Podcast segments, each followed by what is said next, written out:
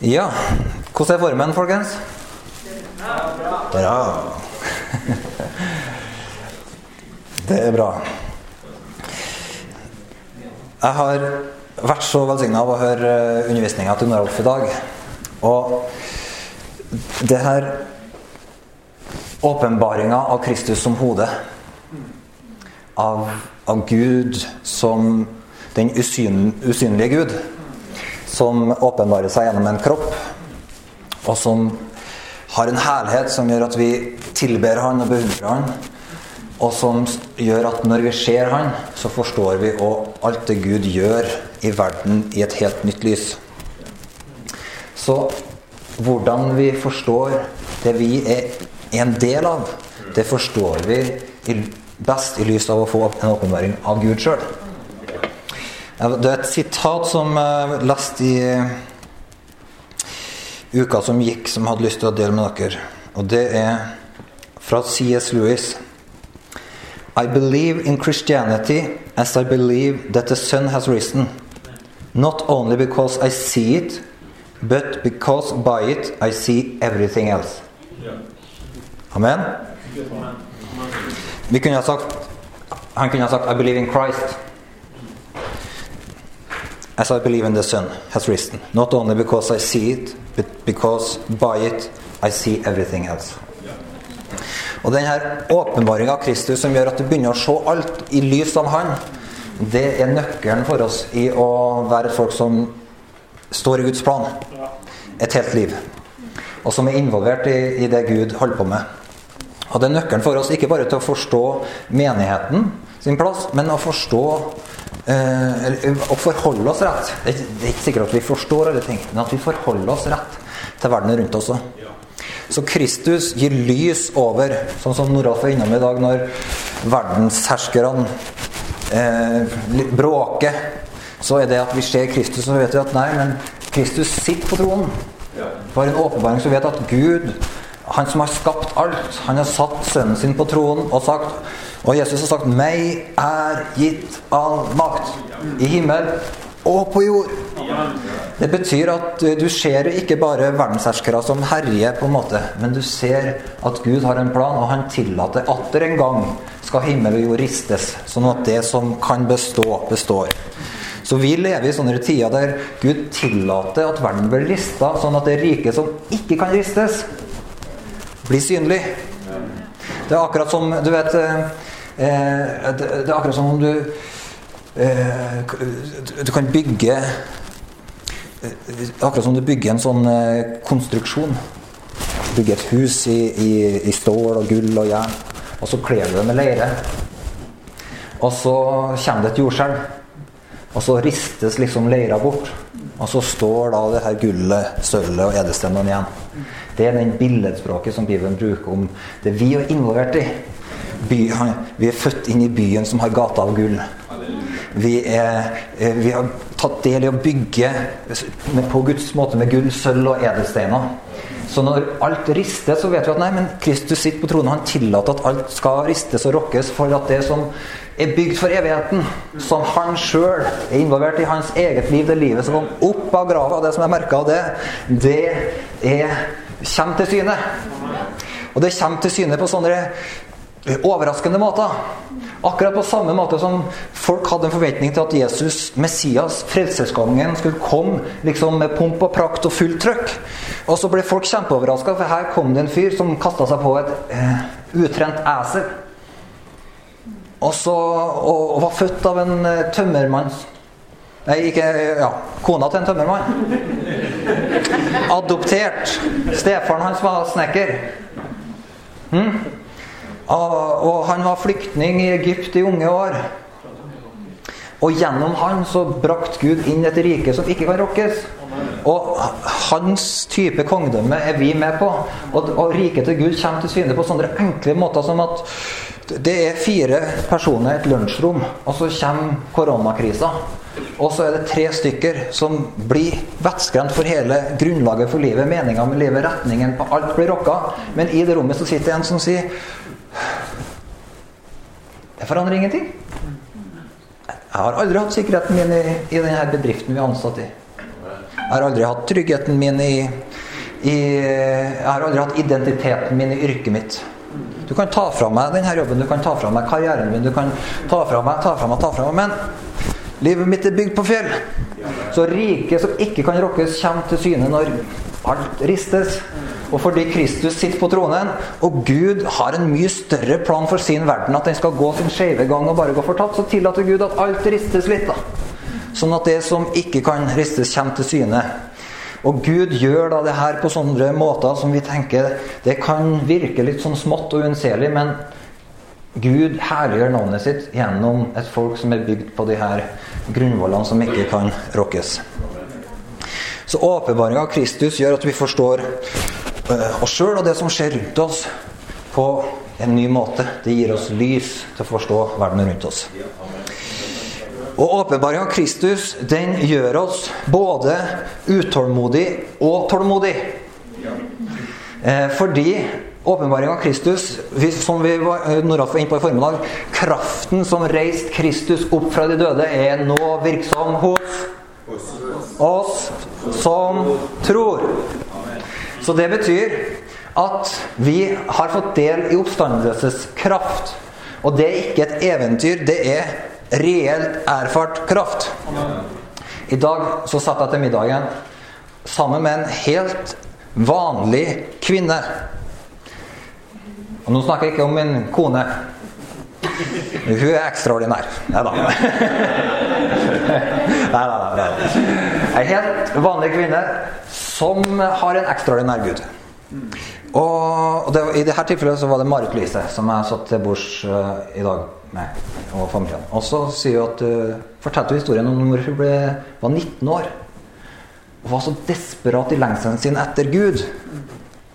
Og så lå hun på et leirsted på rommet sitt og lengta og tørsta etter Herren. Og hadde aldri fått en undervisning om Den hellige ånd.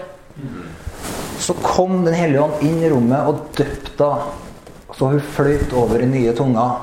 Og kom inn i et liv som ingen har fortalt om hva var.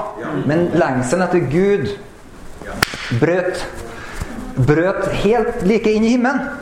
Der Kristus sitter ved Guds høyre hånd, har rent ut sin hånd. Så himmel og jord møttes liksom på Søvalskjølen på et mørkt rom.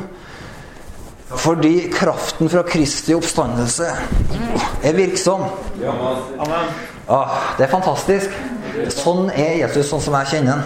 De siste ukene har jeg hatt noen fantastiske bønnesår. Ting som du, Hvis du ikke hadde visst at det var Jesus som satt på tronen, så hadde du kommet til å sagt det var tilfeldigheter. Men fordi at du har sett han på tronen, og du arbeider sammen med troen i bønn, og vet at Jesus går i forbønn for de her folkene Jeg kobler meg på i det, jeg blir med på det. Så plutselig blir hverdagen veldig spennende, og så oppdager du at Gud jobber da i ting. Fordi at du er med på den forbundstjenesten som Jesus holder på med i himmelen. Og så opplever du at åh, kraften av Jesu oppstandelse Jeg blir så ufattelig utålmodig. Fordi riket hans er kommet nært. Og han har sagt 'Jeg har kommet med i mitt rike. Jeg kommer med riket mitt. Du har fått alt du trenger i dag.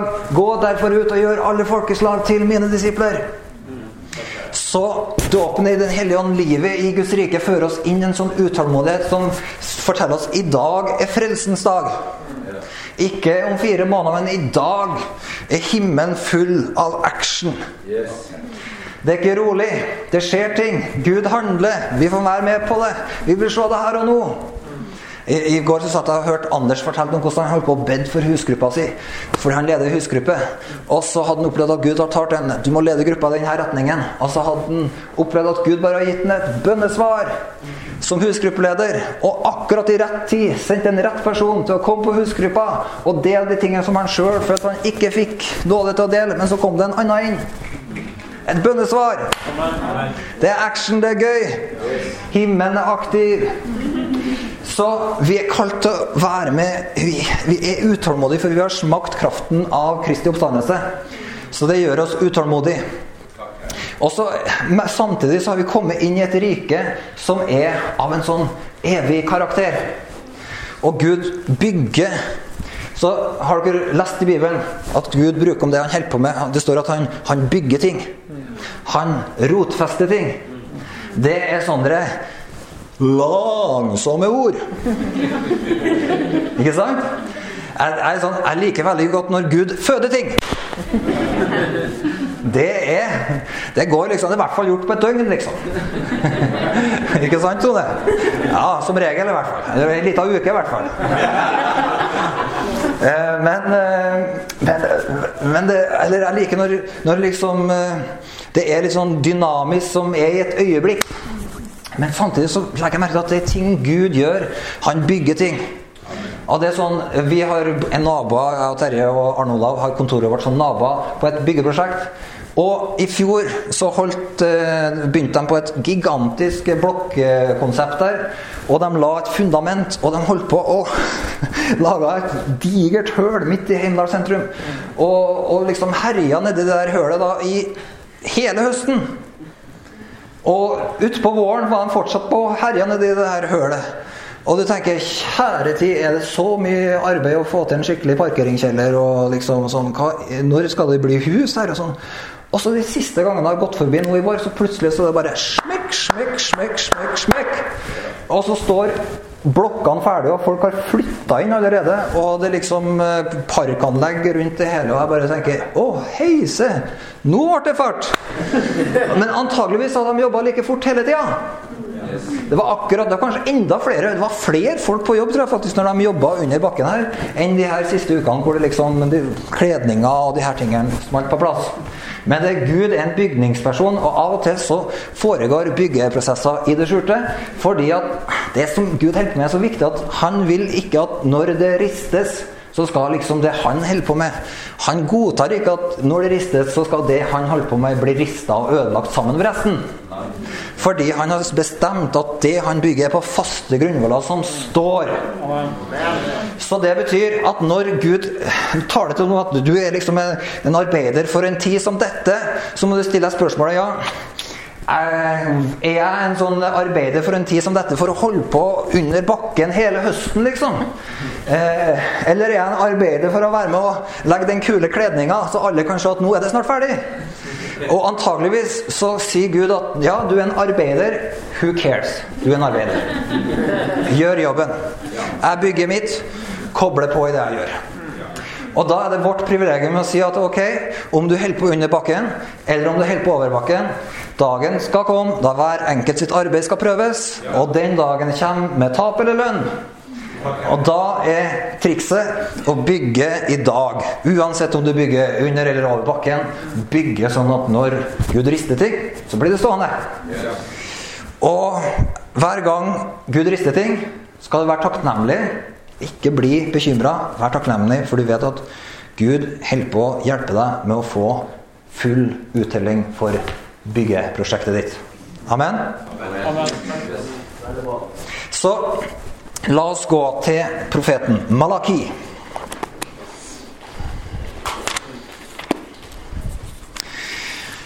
Um, og der skal vi ta rett og slett fem områder som vi trenger å være våken for for å, som kristent fellesskap i Trondheim, den flokken vi er en del av, være med og jobbe inn i det byggearbeidet som Gud har satt oss i. Ok? Så profeten Malaki, da, han er en profet som arbeider og grunner og tenker på noen ting som handler om pakt. Pakta fra Gud.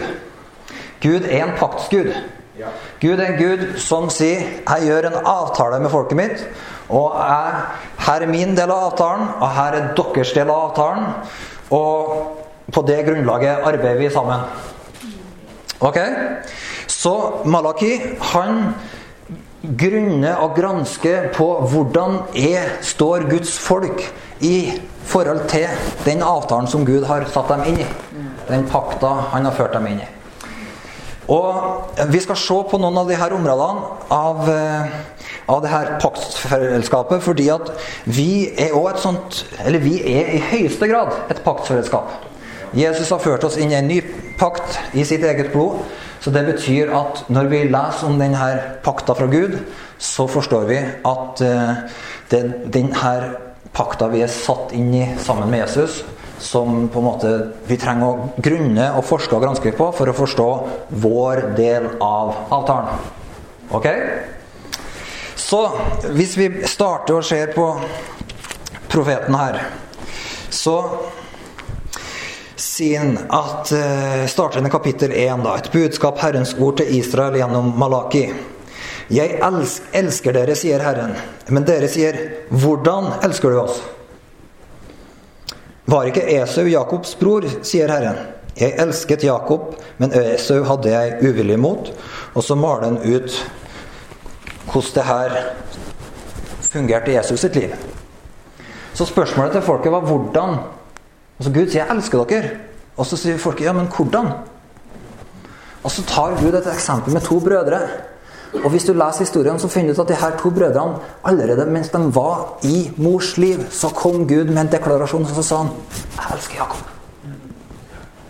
Han har jeg velsigna, han har jeg utvalgt meg. Og så sier Gud 'Sånn jeg elsker deg'. Mens du enda var i mors liv. Før du hadde gjort rett eller galt. Og så, Hvis du leser historien om de her brødrene, så finner du ut at Jakob var Han ga Gud liten grunn til å elske ham. Han var en eh, altså Når du leser historien, så vil du si at han kom dårligst ut. På mange måter. Han var en snik. Men Gud hadde bestemt seg for å elske ham før han ble født. Så Gud, hvordan elsker du oss? Ja, sånn her. Før du ble født. Så gi Kristus utvalgte deg, elska deg. Før du hadde gjort rett eller galt, før du hadde tenkt en tanke, sagt et ord 'Jeg elsker deg' i Kristus. Og uansett hva som skjer, så er min kjærlighet til deg uforandra. Det er startpunktet for å forstå paktslivet fra Herren. Og det er den kjærligheten som Jesus gir oss som forbilde. Hva er kjærligheten? Ikke at vi har elska Gud, men at Gud har elska oss og ga sin sønn til soning for våre synder. Så kjærligheten er at du tar det som Gud har gitt deg, og bare gir det videre. Så når vi lever i en tid og bygger sånn som Gud vil bygge for å bygge denne evige byen som han holder på med, så forstår vi at livsprinsippet her, det er den kjærligheten som gir uten å forvente respons. Ok? Så det må vi tenke når vi er sånne som lever i pakta med Gud, som er med i det her evighetsprosjektet for Herren. Så må vi tenke ja, vi ønsker å leve som et folk som gir uavhengig av respons. For sånn er pappaen vår. Han venter ikke på hva du gjør, han bare elsker deg. Og sånn forventer han at vi lever i møte med hverandre og i møte med verden. For han når sola si gå opp over rettferdige og urettferdige. Så hvis vi skal være barn av han, sier Jesus, så må vi elske fiendene våre. Elske alle mennesker. Dette er òg basisen for et menighetsliv uten hangups. Du vet, du er korsfesta med Kristus. Du er begrava med Han. Og det eneste du er oppreist til, det er oppreist til å leve for Han. Så du er tatt inn i kjærlighetsforholdet mellom Faderen og Sønnen, som Noras var innom i dag. Og så lever vi i en givende kjærlighet, der du ikke har en kravspekk til den lokale menigheten, men der du er en giver. Sånn som denne helga en demonstrasjon på. Jeg blir så velsigna av det. For jeg tenker, her er det et paktsfolk som skjønner at du er for å gi. Så spørsmålet er ikke liksom, hvor mye kan jeg trekke ut av denne helga, liksom, men spørsmålet er hvor mye kan jeg være med å bringe inn av min, det som Gud har gitt meg, for å bare gi det som et kjærlighetsoffer. Ikke først og fremst til hverandre, men til Kristus. Ok? Så kjærligheten fra Gud den har en retning tilbake til Gud som gjør at vi elsker søsknene våre. Så når du vasker føttene til en søster eller bror, så er det fordi at du kjenner Kristus. Og det er kjærligheten til Gud som er det drivende i pakta. Det var altså punkt nummer én. Skal vi se I kapittel to så står det Vi kan lese ifra vers Så har han noen formaninger til prestene og Levi etter. Og så står det i vers Vi kan lese i vers 5. Og Da snakker han altså om presteslekta og Levi. Pakta, pakta med Levi. Min pakt med han, altså med levittene og presteætta, det var liv og fred som jeg ga han. Han skulle ha ærefrykt for meg og skjelve for mitt navn. Så pakta med Levi den hadde denne tosidigheten. Løftet fra Gud, det var liv og fred. Responsen fra Levi, det var ærefrykt for meg, og han skal skjelve for mitt navn. Så Levi levde i denne pakta når han hadde ærefrykt for Herren og skalv for hans navn, så erfarte han liv og fred. Og det er òg en sånn nøkkel for oss. Vi er kalt til å være et hellig presteskap for Gud. Og det vi trenger å forstå, da, det er at ærefrykten for Kristus og, og, og, og hans herlighet og hans navn bringer oss inn i en pakt av liv og fred. Det betyr at hvis hvis gudsfrykten styrer, så er du alltid trygg. Hvis gudsfrykten får forrang, så har du alltid en trygg grunn å stå på, uavhengig av hva mennesker rundt deg sier. Du har et skjulested hos Gud. Du har liv hos Gud. Og hver gang du står i sånne situasjoner der du må velge liksom mellom menneskefrykt eller, eller en sånn selviskheten og de her tingene her, eller kjødet eller sånne ting, så er det ærefrykten fra Gud. Når du velger gudsfrykten, så erfarer du liv. Eller nåde, som Noralf sier da. Nåde over nåde. Velg gudsfrykt. Og vi lever i en sånn tid hvor det avgjørende er ikke hva slags teologi kristne sier de har. Men det avgjørende er, er det en ærefrykt for Herren i det. Og, og du, du, finner bibeltro kristne sånn, Folk som sier ja, vi er, vi, tenker, vi er sånne bibeltro kristne. Men da må du høre nøye etter. Er det en bibeltroskap som handler om en ærefrykt for Herren i det? Fordi at det er de to store skillelinjene. Og så går profeten videre, for han holder på å jobbe med dette området i pakta. Og så gyver han løs da på prestene. Og så sier han at pakta med meg var liv og fred, som jeg ga han. Han skulle ha ærefrykt for meg og skjelve for mitt navn. Sann rettledning var i hans munn, det fantes ikke svik på leppene. I fred og rettferd vandret han med meg og fikk mange til å vende om fra skyld. Hæ? Ikke det bra?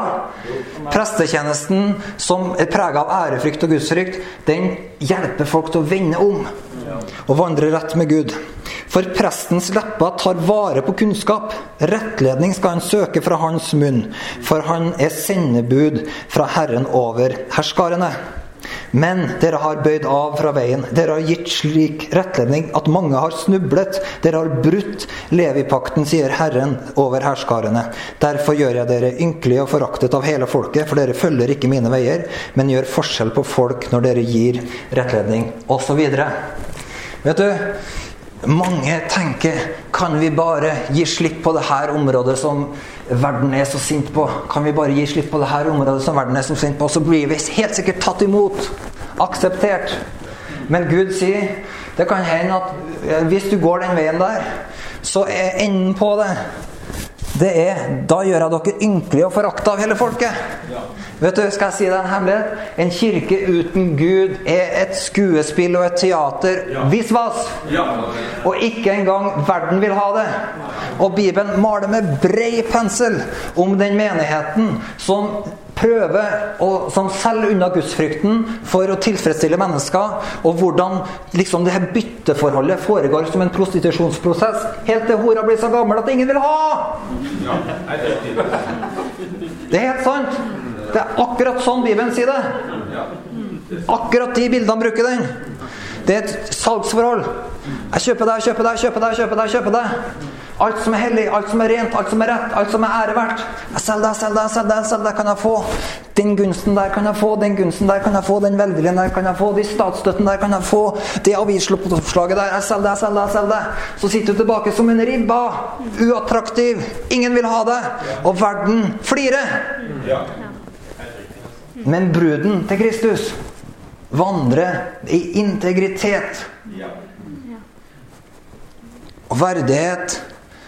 Tåle spott, tåle skam, tåle avvisning. Fordi det er et hjerte som sier at 'jeg er ikke her for mennesker'. Og vi som For min del, Arne Olav og Sindre sin del, vi vet vi er her for å lede i Guds frykt. Så til syvende og sist så vil vi alltid etter beste evne ved Guds nåde lande ned på ærefrykten for Gud når vi arbeider med det her ordet. Fordi vi tror at Gud skal bringe fram en menighet som bærer Hans herlighet. Hans skjønnhet, Hans nåde, Hans kraft. Og vi kommer, bare la meg si det sånn enkelt, vi kommer ikke til å bli veldig mye mer sånn i vinden og populær de neste 10-20-30 årene. Jeg kan ikke si det også. Kan ikke love noen ting på det området, dessverre.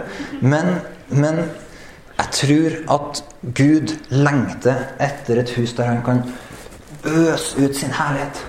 Der kan han demonstrere sin skjønnhet, og der huset er bygd på fjellet på en sånn måte at folkeslagene kan se det og vandre i lyset fra det og justere seg etter det. Og folk kan si ja, men der funker familiene. Hei, Der er det tre generasjoner uten ekteskapsbrudd. Der er det fire generasjoner uten ekteskapsbrudd. Her er det unger som funker på skolen. Her er det hjem, her er det fedre som er på banen og faktisk bryr seg om kona si. Folkeslagene vandrer i lyset fra byen fordi at vi ikke er et prostituert folk, men et hellig presteskap for Herren. Solgt til Han, kjøpt ved Jesu dyrebare blod, blodet av et lam uten feil å lyte. Kapittel tre. Så taler profeten om Guds dom.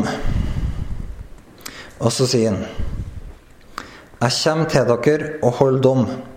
Jeg skal være raske til å vitne mot dem som driver med trolldom, mot dem Nei, beklager. Vi må inn i, fortsatt i kapittel to. Jeg hoppa for fort fram. Så kapittel to og vers eh, ti skal vi ta. Vi skal komme dit jeg leste i sted, men nå er det kapittel to og vers ti. Så det første var Guds ubetinga kjærlighet som leves ut. Det andre var Levipakta, ærefrykten fra Gud som bringer liv og fred. Og det tredje her, det er enheten som Gud er ute etter. Dette er veldig interessant. Nå skal dere få høre en nøkkel. Har vi ikke alle én far? Har ikke den ene Gud skapt oss? Hvorfor er vi da troløse mot hverandre og vanhelliger våre fedres pakt? Juda har handlet troløst, avskyelige ting har de gjort i Israel og Jerusalem. For Juda har vanhelliget Herrens helligdom, som han elsker, og tatt en fremmed Guds datter til ekte. Måtte Herren utrydde fra Jakobs telt hver mann som gjør slikt. Og så i vers eh, 10, eh, nei, 13 så står det her, og det her er det andre dere gjør. Med tårer dekker deres Herrens alter med gråt og sukk, fordi han ikke lenger vil se på gaven eller ta imot offeret fra deres hånd med glede. Dere sier hvorfor? Fordi Herren er vitne i saken mellom deg og din ungdoms kvinne, som du er utro mot, din ektefelle, din paktskvinne. Er det ikke én som har skapt alt? Både kropp og ånd er hans, og hva søker denne ene? En guddommelig slekt. Så vokt deres ånd vel, vær ikke utro mot din ungdoms kvinne. Så her trekker profeten fram to ganger så peker han på det fins én far, og det fins én Gud. Og, og, nei, han sier det fins én far, og Gud er én. Og så sier han det viser seg i troskapen mot søsken. Hvorfor er dere, har ikke den ene Gud skapt oss? Hvorfor er vi da troløse mot hverandre og vanhellige vår fedres pakt? Så pakta bringer oss inn i en enhet med hverandre som søsken. Og den enheten som fins mellom søsken, den åpenbare Kristus for verden og er dyrebar for Gud. Så vi det, så, så, så hør her. Det er en åndelig det er en åndelig formidling i en enhet som verden trenger å se. For når det blir bygd i enhet, så ser de at Gud er én. Ser de det fins en far som har skapt oss. Det fins en kilde. De ser avtrykket av han. Og så sier han det er to områder som dere må være våken på i dette paktslivet. Det er enheten mellom søsken, og det er enheten i ekteskapet. I forhold til enheten mellom søsken det viktigste det er de søsknene som du er nærmest på. Enhet handler ikke om liksom, at du er i enhet med pinsen og, og Lutheren og baptisten og frelsesfyren. på en måte. Først og fremst, du er i enhet med Kristus. Så det betyr at du er ett med alt Guds folk. Både pinsen og baptisten og, og Lutheren og frelsesfyren. Men du lever det ut først og fremst i de nærmeste relasjonene. Og det her er et viktig budskap for oss. Fordi at enhet er noe som Enhet er ferskvare. Enhet er liv fra Gud som leves ut. Enhet er ikke liksom en sånn organisatorisk ting, men det, enhet er, er ved ånden et liv som flyter. Så det å leve i enhet er ikke liksom Gud har ikke kalt oss som søsken til å leve i sånne, for å bruke bildet, et gammelt ekteskap som går på gammel vane. Enhet er ferskvare. Enhet er at du er knytta sammen i pakta og lever sammen i et pulsslag i Den hellige ånd, der man hele tida gjør opp ting, der man hele tida tjener Herren sammen, der man skubber borti hverandre, opplever konflikter, trøkk og utfordringer fordi at vi har et oppdrag, og fordi vi tror på søskenfellesskap, så er det hele tida friksjon, gnisninger, berøringspunkter. Men i det så er det et paktsliv med brødsplittelse, omvendelse, synsbekjennelse. Eh, og, og hele den sida av å gå til hverandre og ta opp ting. Og gjøre opp ting og legge ting bak ved Jesu blod. Sånn at det er ikke sånn at når du har levd i en menighet liksom i, i 20 år, så har du liksom samla opp et sånt arsenal av gnagsår gjennom livet, liksom. Og har liksom gnagsår både på hoftebeina og liksom bak knærne og sånn. Men det er sånn at når du får et gnagsår, så kom til Ånden og få salva det greia der. Og så legger broren din hånda si på deg, så blir du helbreda, og så gjør du opp ting. Så er det borte. Så tenker du aldri mer på det, og så er det en frisk start fordi du har starta Kristus. Så ikke, ikke tillat noe gammel gugg. Lev friskt. Hver dag. Og vit at, at det her er dyrebart for Gud. Og for oss i Trondheim så har det jo betydning for hvordan forholder vi oss til enheten i byen. Og jeg har bare lyst til å dele med dere Gjennom de siste årene så har bl.a. Terje vært inn i flere prosesser av gjenreisning av relasjoner i lederskap i ulike menigheter i Trondheim. Og det, og mellom ledere i ulike menigheter, der folk tidligere har gått hver til sitt, men så har Terje opplevd at nei, det her er en nøkkelrelasjon for byen sin framtid. Ikke folk som er i Kristen Fellesskapsramme, men i andre menigheter i byen. Og ved Guds nåde fått komme inn og gjenreise relasjoner som faktisk byen nå, i 2020, høster en frukt av, som, ikke, som var et tap hvis du går tilbake fire år. Ok? Fordi vi tror ikke at det er liksom hvor mange kristne du klarer å samle i Olavshallen som avgjør enheten i byen. Men vi tror det er pakt fra Herren som er realitet, og som til syvende og sist da kommer fram til brødsprøytelsen i hjemmene. Og til forholdet til ektefellen. Og nå fyrer dere opp, altså Nå fyrer dere opp til preacher, altså, når vi kom til det punktet. Men der skal vi ikke bruke lang tid i kveld. Men jeg vil bare si Kristus elska menigheten og ga seg sjøl for den. Som et forbilde for hvordan enhver ektemann gir sitt liv og legger det ned for ektefellen sin. Og så er det en gjensidig kjærlighetsforhold som uttrykkes i at kona har en respekt for mannen sin og underordner seg denne hengivende kjærligheten.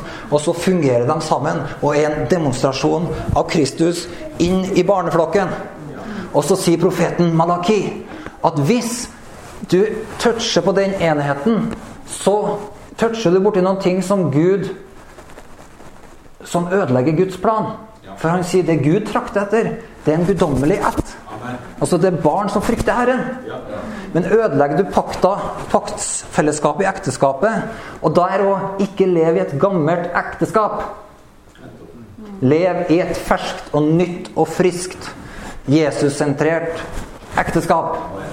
Der du elsker ektefellen din friskt og nytt hver eneste dag. Og, og der du lever ut pakta på en sånn måte at liksom Hør her, ungene skal ikke vokse opp og ha et bilde av liksom en rituell gud. Som bare er en sånn gud som holder fast på en ordning på en sånn lovisk måte. Nei. Ved Guds nåde så skal de få vokse opp og se en demonstrasjon av en levende, kjærlig Gud fordi at det er en pulserende, aktiv, givende kjærlighet i ekteskapene i flokken vi er en del av, og i menigheten til Kristus i byen. Så det betyr at nå er det mange her som begynner å bli nærme seg 40 år. Og som har gått og vassa i småunger, som har krevd masse oppmerksomhet i mange år.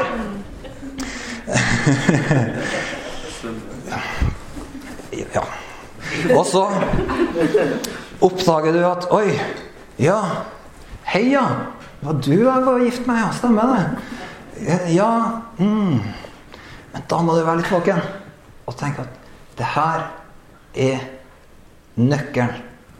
Så for å, å, være involvert i det Gud holder på å gjøre i Trondheim Det at du stopper opp da og sier nå må vi trekke i bremsen, ikke liksom på en annen måte enn at bare finn nåde fra Gud. Koste hva det koste vil til å pleie den relasjonen på en sånn måte at du får et Kristus-sentrert ekteskap der livet fra Den hellige ånd og kjærligheten fra Gud pulserer at åndens gaver begynner å funke på en sånn måte at du husker på kona di på butikken og kjøper blomster. Det er en åndens gave. Oppbyggelse. Bli minnet på Den hellige ånd.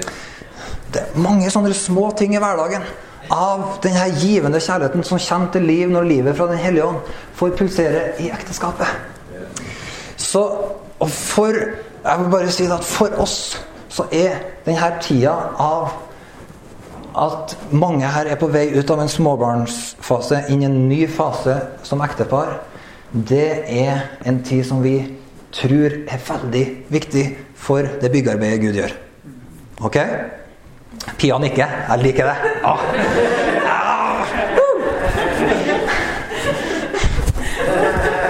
Og, og det skal du si at all åpenbaring du har av ekteskapet, hold fast på det. Det ekteskapet kommer Gud til å gi deg. Amen. Yes. Og, eh, og, det betyr at en ting vi ønsker å gjøre i denne sammenheng i Trondheim i løpet av høsten, det er vi skal ha en date night. Ok? Så i, det kommer en dato i november eller desember en gang hvor det vil bli kjørt ut Det blir påmelding, så vil det bli kjørt ut goodiebags til alle ekteskapsparene som ønsker en goodiebag på døra. Og så klokka ni den kvelden så kobler dere dere opp på Zoom, og så får dere ekteskapsundervisning fra Terje og Lise. Og så tar det en halv time, og i, etter den halvtimen er ferdig, så åpner dere gudebagen, og så spiser dere det som ligger oppi sammen, og så snakker dere om det som det oppfordres til på det arket oppi den gudebagen. Og så skal vi ta tak i den inputen som eh, Terje og Lise kommer med der, og gjøre det til kjøtt og blod. Og det er ett sånt steg. Vi trenger å satse og investere på ekteskap, folkens. Fordi at Gud ønsker en gudfryktig ett. Og Gud ønsker for deg at du skal ha et sånt digg ekteskap som gjenspeiler Jesus sitt forhold til menigheten, som òg er digg. Amen. Så enhet. Punkt tre var enhet. her går det unna. Men eh, eh, Ja. Punkt fire. Det er veldig enkelt. I, i kapittel tre Vi har vært eh, innom det, men men fra vers 5 så står det Jeg kommer til dere og holder dom. Jeg skal være rask til å vitne mot dem som driver med trolldom, mot dem som bryter ekteskapet, mot dem som sverger falskt, mot dem som holder tilbake dagarbeidernes lønn, mot dem som undertrykker enker og farløse og avviser innflytteren som ikke frykter meg, sier Herren over herskarene. Eh, og så snakker han da om eh, i, i, skal vi hoppe uh, Vi skal innom det imellom her, men vi må bare hoppe til vers uh, 13.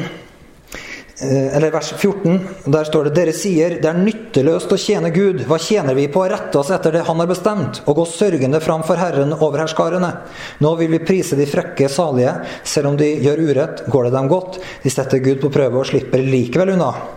Hæ? Hører du hva folket sier?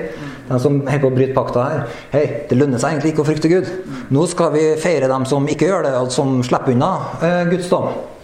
Og så I vers 18 så står det 'De som frykter Herren, tar til da sammen'. Herren lyttet og hørte hva de sa. Hos han ble det skrevet en minnebok om dem som frykter Herren og ærer Hans navn. Den dagen jeg griper inn, sier Herren over herskarene, skal de være min dyrebare eiendom osv. Er ikke det fantastisk nytt? Fordi vi trenger en utholdenhet i rettferdighet og integritet. Og la meg si det sånn her at verden lengter desperat etter vann. Ja, kom igjen. Nå har vi det travelt, folkens. Bra kone. Dritbra kone. Ånden skal være i funksjon. Jeg elsker deg. Jeg liker deg veldig mye. Hør her. At uh, Bra. Alt henger sammen i bak dem her. vet du. Her er det sånn at uh, verden lengter etter integritet. Og verden i Norge i dag så er det helt utrolig. Men har, vi har helter som gjør alt som er uverdig. Og de som vandrer med integritet, de blir skjelt ut. Og det er utrolig, et utrolig paradoks. Jo mer vulgær du klarer å bli, jo større helt blir du. Og det som er mørke, blir kalt lys, og det som er lys, blir kalt mørke. Men vet du, ingenting av det der bryr vi oss om. Fordi når de rettferdige, gudfryktige, snakker sammen, da høres det helt til himmelen. Og Gud har faktisk ei svær bok hvor han skriver opp alt vi sier sammen. Og han noterer det. Og han sier det her greiene her har jeg tenkt å bare velsigne. Det skal være min dyrebare eiendom. Ok?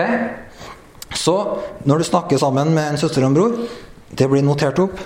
Og det er noe som Gud hører på. Men hør, da. Han skal ta et oppgjør med dem som driver trolldom, dem som bryter ekteskapet, dem som sverger falskt, mot dem som holder tilbake dagarbeidernes lønn, mot dem som undertrykker enker og farløse og avviser innflyttere. Så motstykket til det her, da, det er alt det Gud har kalt oss til å leve i. Et liv der man, ikke fordi verden trenger noen helter, eller noen sånne ting, men bare fordi vi elsker Jesus, så er vi sånne som, som skyr avgudsdyrkelse, som, som, holder ekteskapet hellig, som snakker sant, som betaler rettferdig til dem som, trenger, som er en arbeiders lønn verdig. Vi arbeider mot undertrykkelse og setter enker og farløse i frihet fra åk.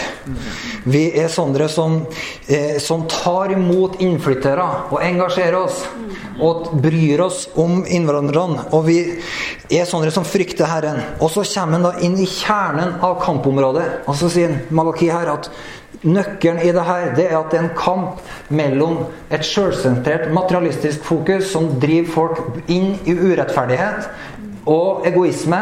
Eller det er et sjenerøst liv som bringer oss inn i rettferdighet og rettferdigheten sin frukt. Og det som han da plasserer midt inni det her, da, det er paktsundervisninga om penger.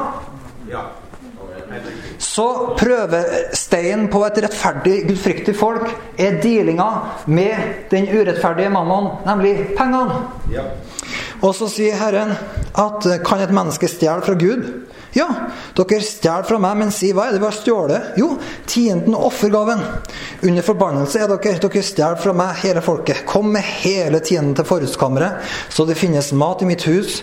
Prøv meg på den måten, sier Herren over herskarene. Jeg skal sannelig åpne himmelens sluser og øse ut over dere velsignelse uten mål. Halleluja. Og den, som et opp, skal jeg skremme bort fra dere. Er ikke det bra? Så når du studerer pakta fra Gud gjennom bibelhistorien, så finner du at den rettferdiges respons når det kommer til penger, det er at den bringer først inn tienden til Herren. Og det var ikke en oppfinnelse som kom med Moses, men det var noe som kom allerede med Abraham, alle troendes far, og som du finner et vitnesbyrd om at alle de troende gjennom Bibelen de praktiserte dette prinsippet. De bringer til Herren det første 10% av alt som kommer inn i huset, rett til Herren. Og så begynner du, i det du gjør det, så trer du på en måte inn i en sånn himmelsk økonomi. Der himmelens sluser er åpna, og du begynner å leve i denne strømmen av velsignelse. Der ikke pengene får håndtak på deg og livet ditt. Der du blir fri. Der du kjenner at du ikke styres av penger. Og det er deilig! Det er godt. Og det er hver gang du da bringer inn den tiden Av og til så har du masse penger igjen når du bringer inn og av og til så føler du at du bringer inn tiden, og så, så, ser du på kontoen. Jeg har gjort det faktisk mange ganger i mitt liv. Bringt inn tiden og visst at nå er det ikke nok der til å betale regningene. Helt sant?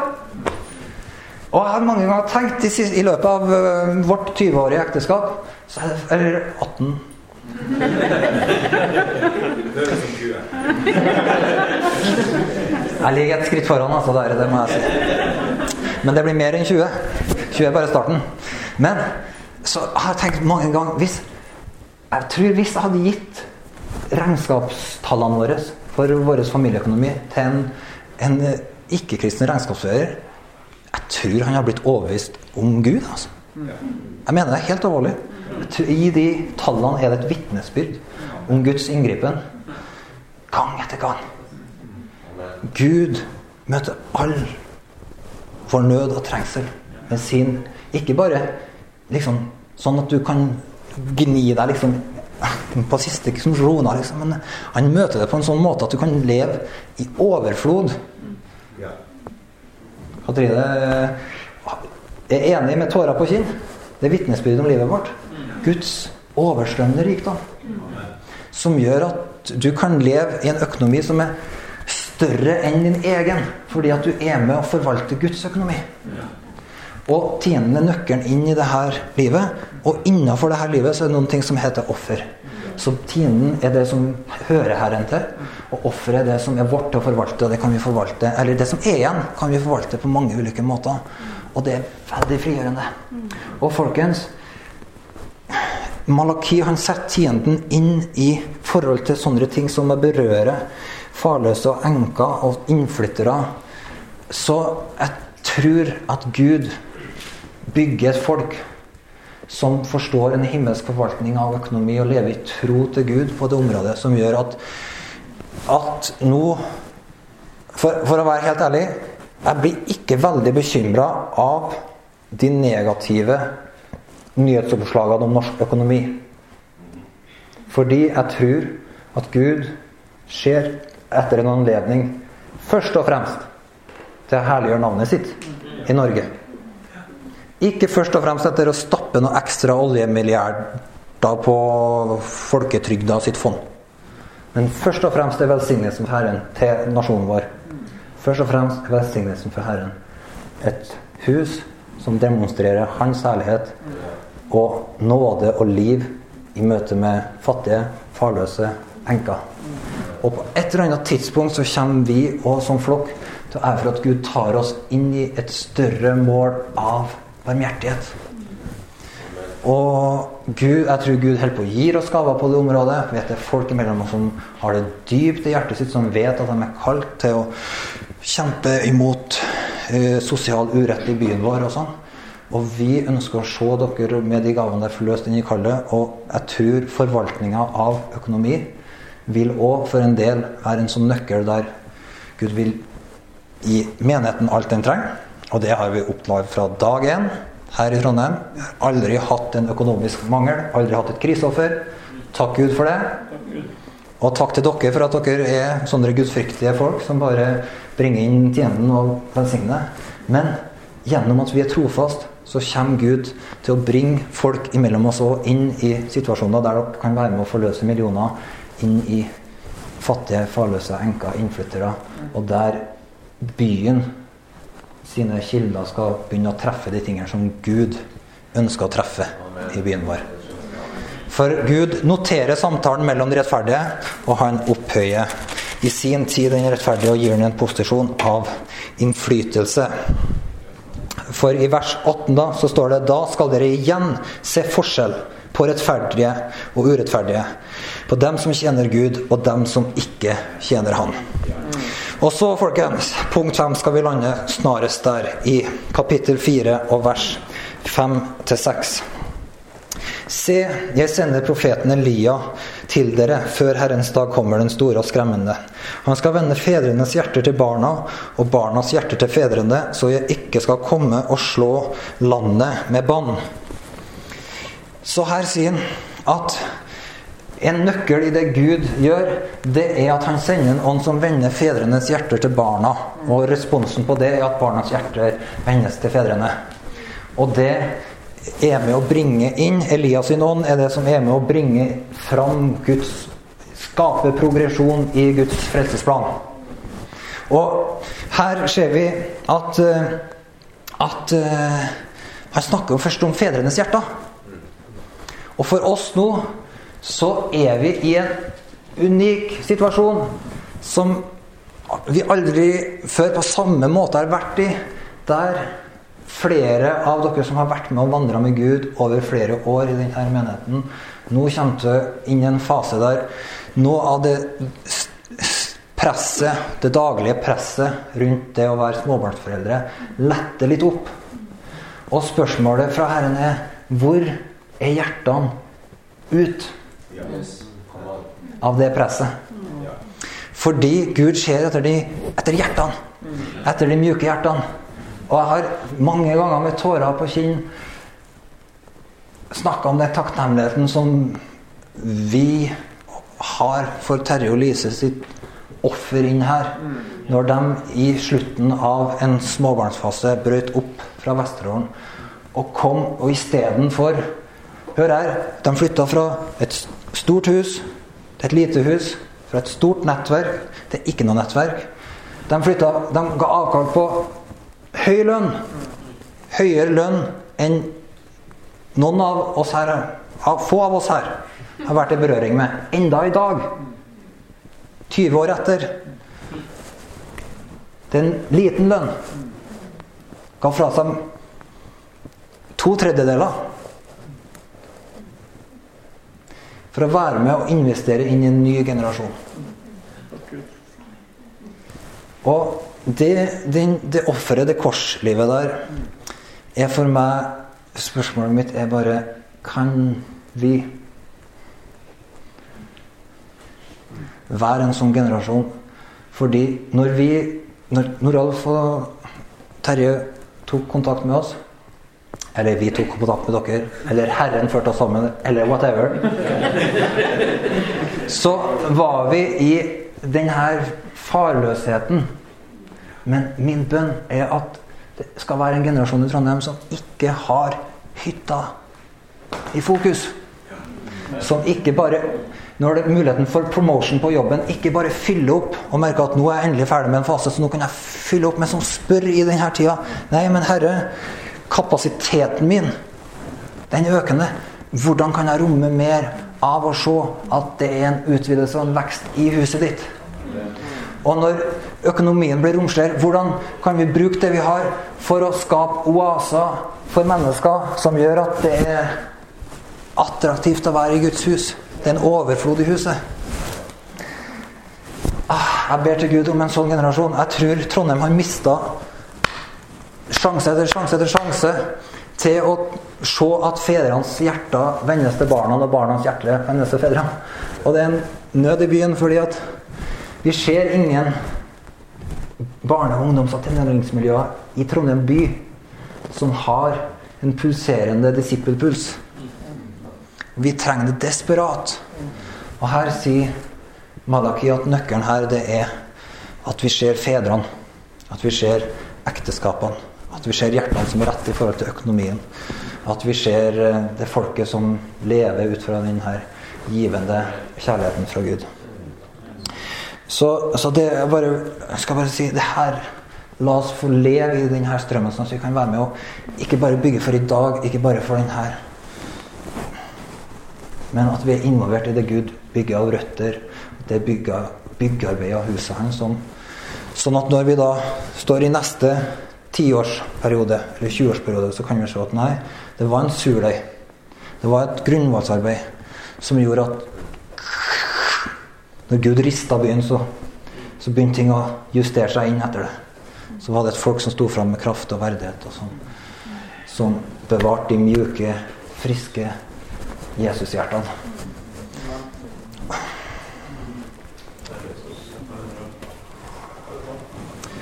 Far, vi bare ber om eh, mjuke hjerter, Herre.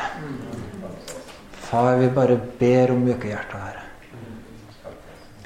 Herre, vi, vi ber om at, eh, at vi skal få være som